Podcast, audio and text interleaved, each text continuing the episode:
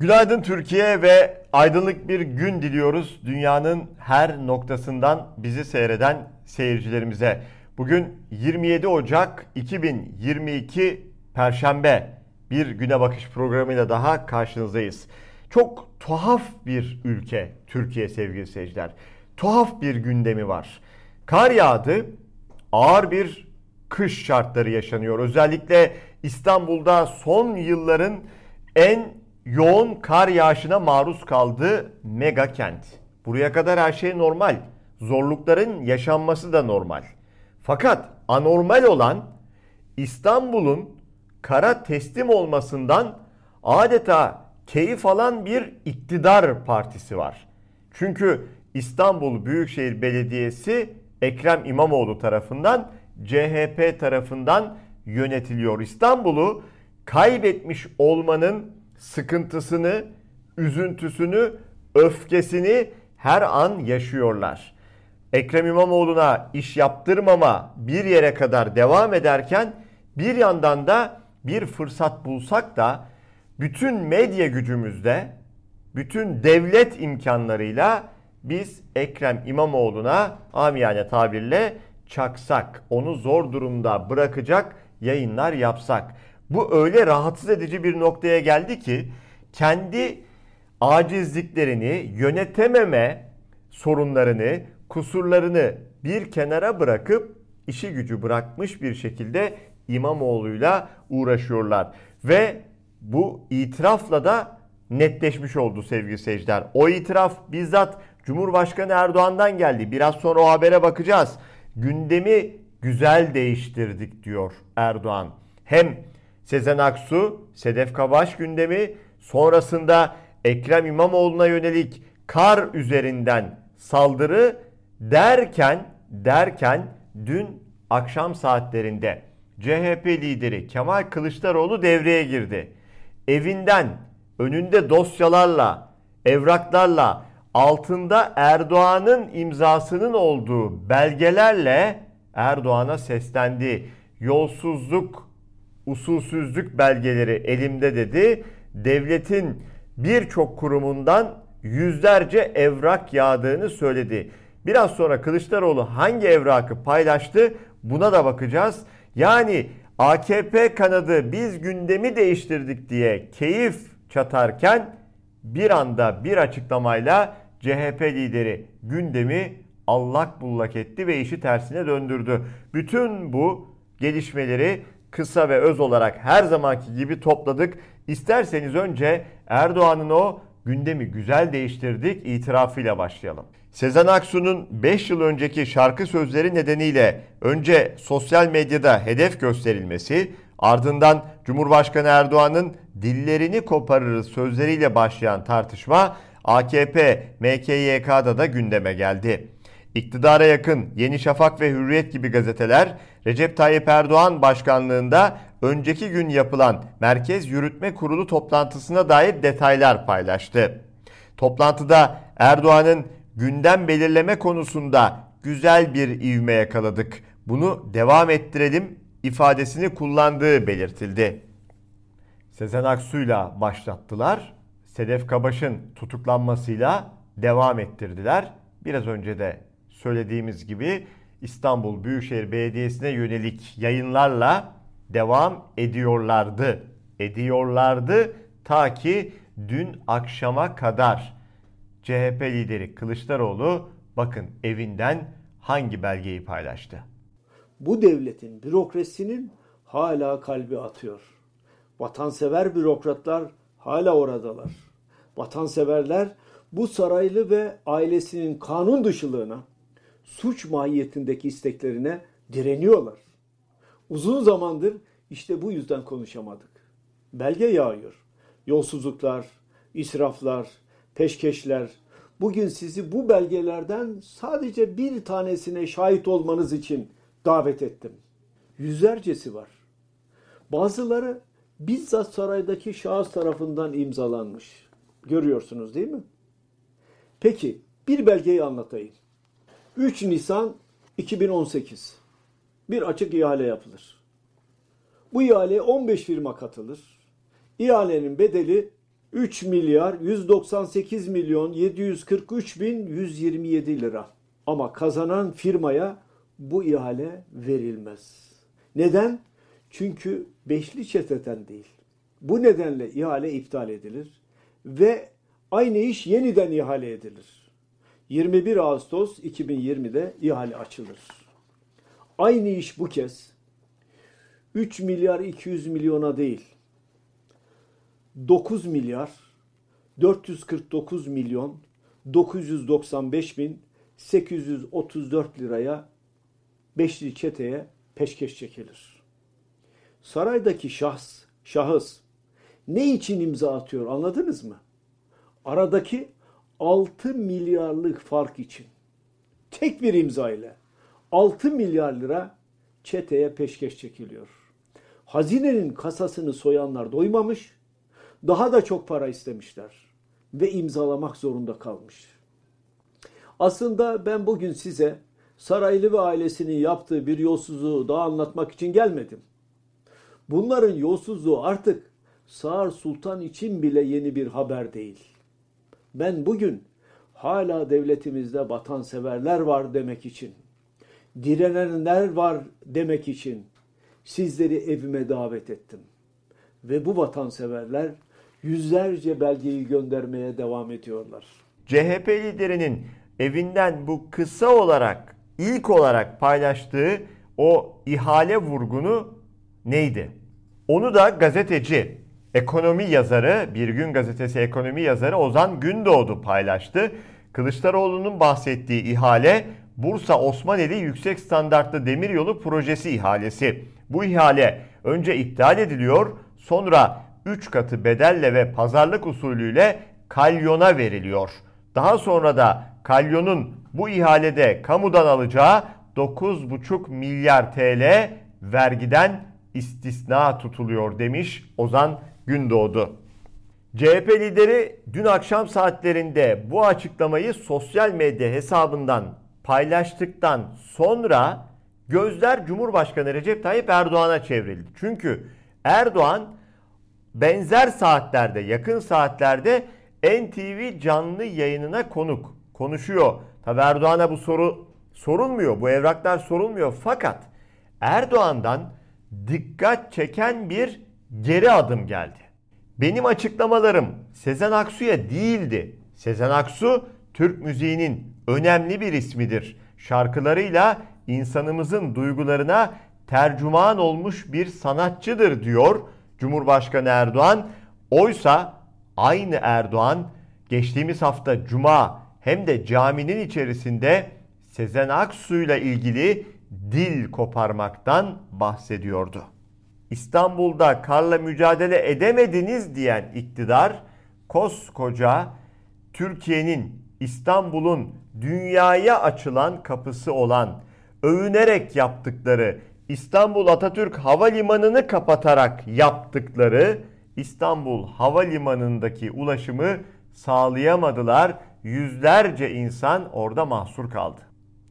İstanbul'da etkisi devam eden kar yağışları nedeniyle hava trafiği aksadı. Yüzlerce yolcu İstanbul Havalimanı'nda mahsur kaldı. Sabiha Gökçen ve yolcu uçuşlarına kapatılan Atatürk Havalimanı'nda uçuşlar devam ederken konumu itibarıyla İstanbul Havalimanı'nda uçaklar kalkamadı ve yolcular havalimanında mahsur kaldı. Öte yandan havalimanı kargo bölümünde de çatı çökmesi yaşandı.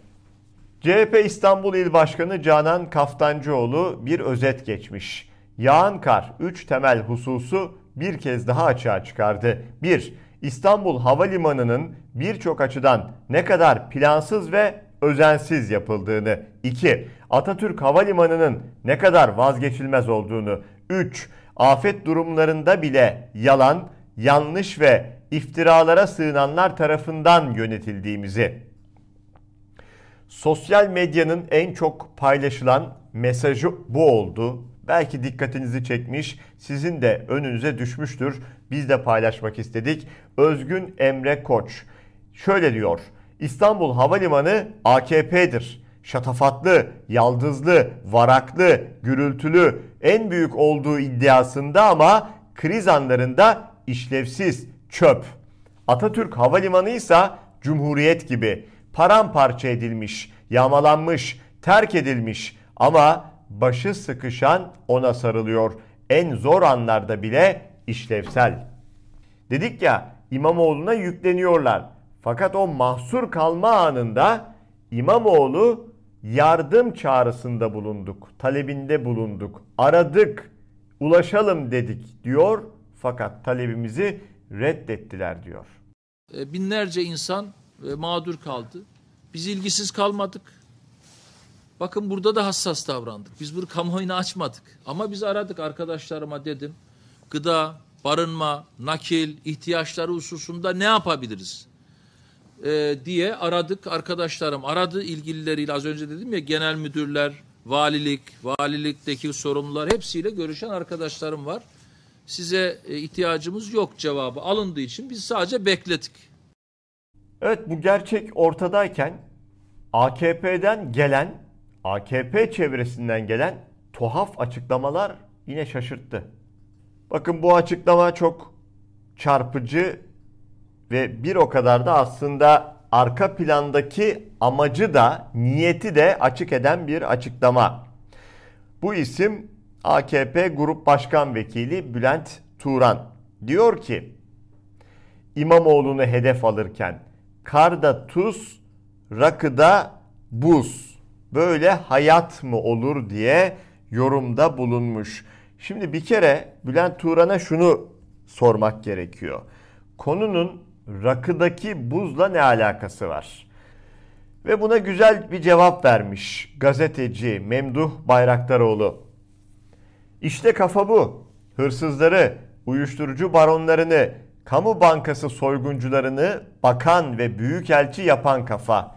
İngiltere büyükelçisiyle herkesin içinde yemek yiyen belediye başkanına havlıyor. Yahu bu nasıl bir ahlaksızlık böyle? Dedik ya kafa başka, amaç başka. Her alanda kendilerini belli ediyorlar. Bakın hiç boş durur mu? Eski Ayasofya Camii baş imamı Boynu Kalın da devreye girmiş. Hazreti Adem ve Havva annemize yapılan hakareti savunanı Allah diyor karla çarpar.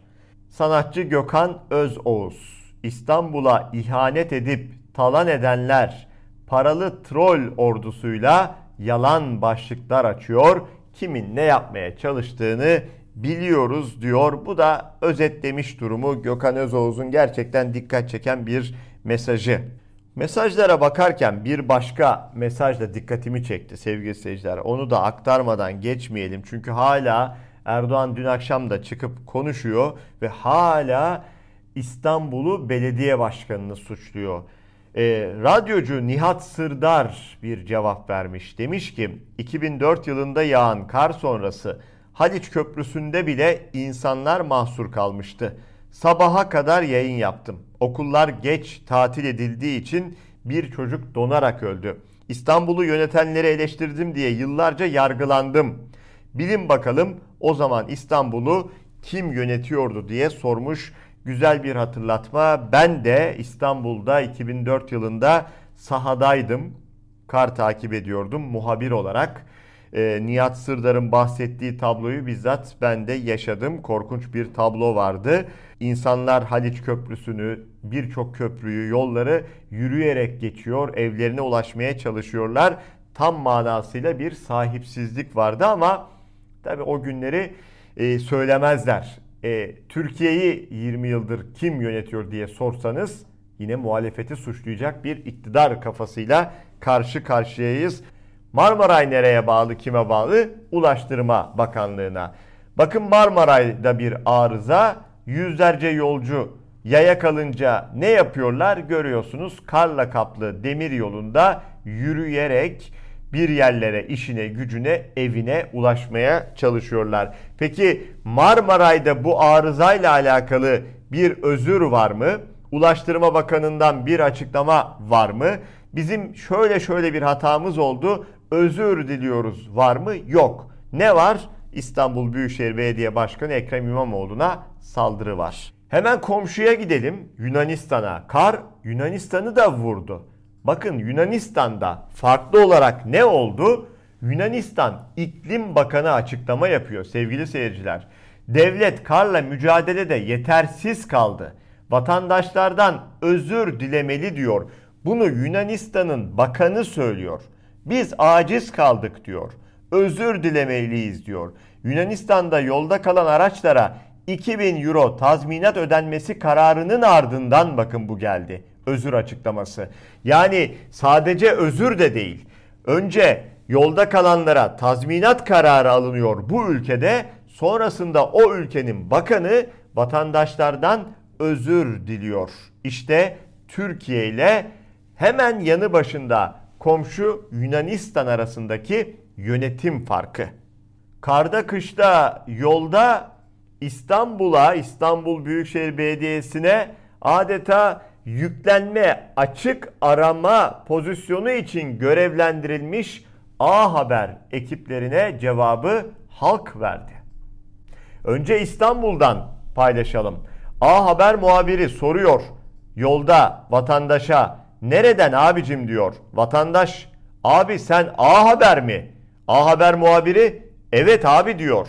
Vatandaş cevap veriyor. Abi sen yalansın. Burası da Ankara. A Haber'e Ankara'da da tepki gösterildi.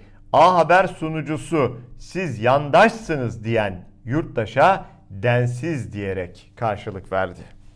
Değil misiniz yandaş? Yalan değil misiniz? Sabahtan akşama kadar 24 saat yalan haber yapmıyor musunuz? Defalarca şu ekranlarda ben artık hatırlamıyorum kaç yalanınıza dair haber yaptığımızı biz hatırlamıyoruz ama e, kanalımızda, YouTube kanalımızda hepsi duruyor. Geriye dönükte arama yaparak bulabilirsiniz. A Haber, yalan haber yazınca çıkıyor zaten. Bir iyi haber verelim.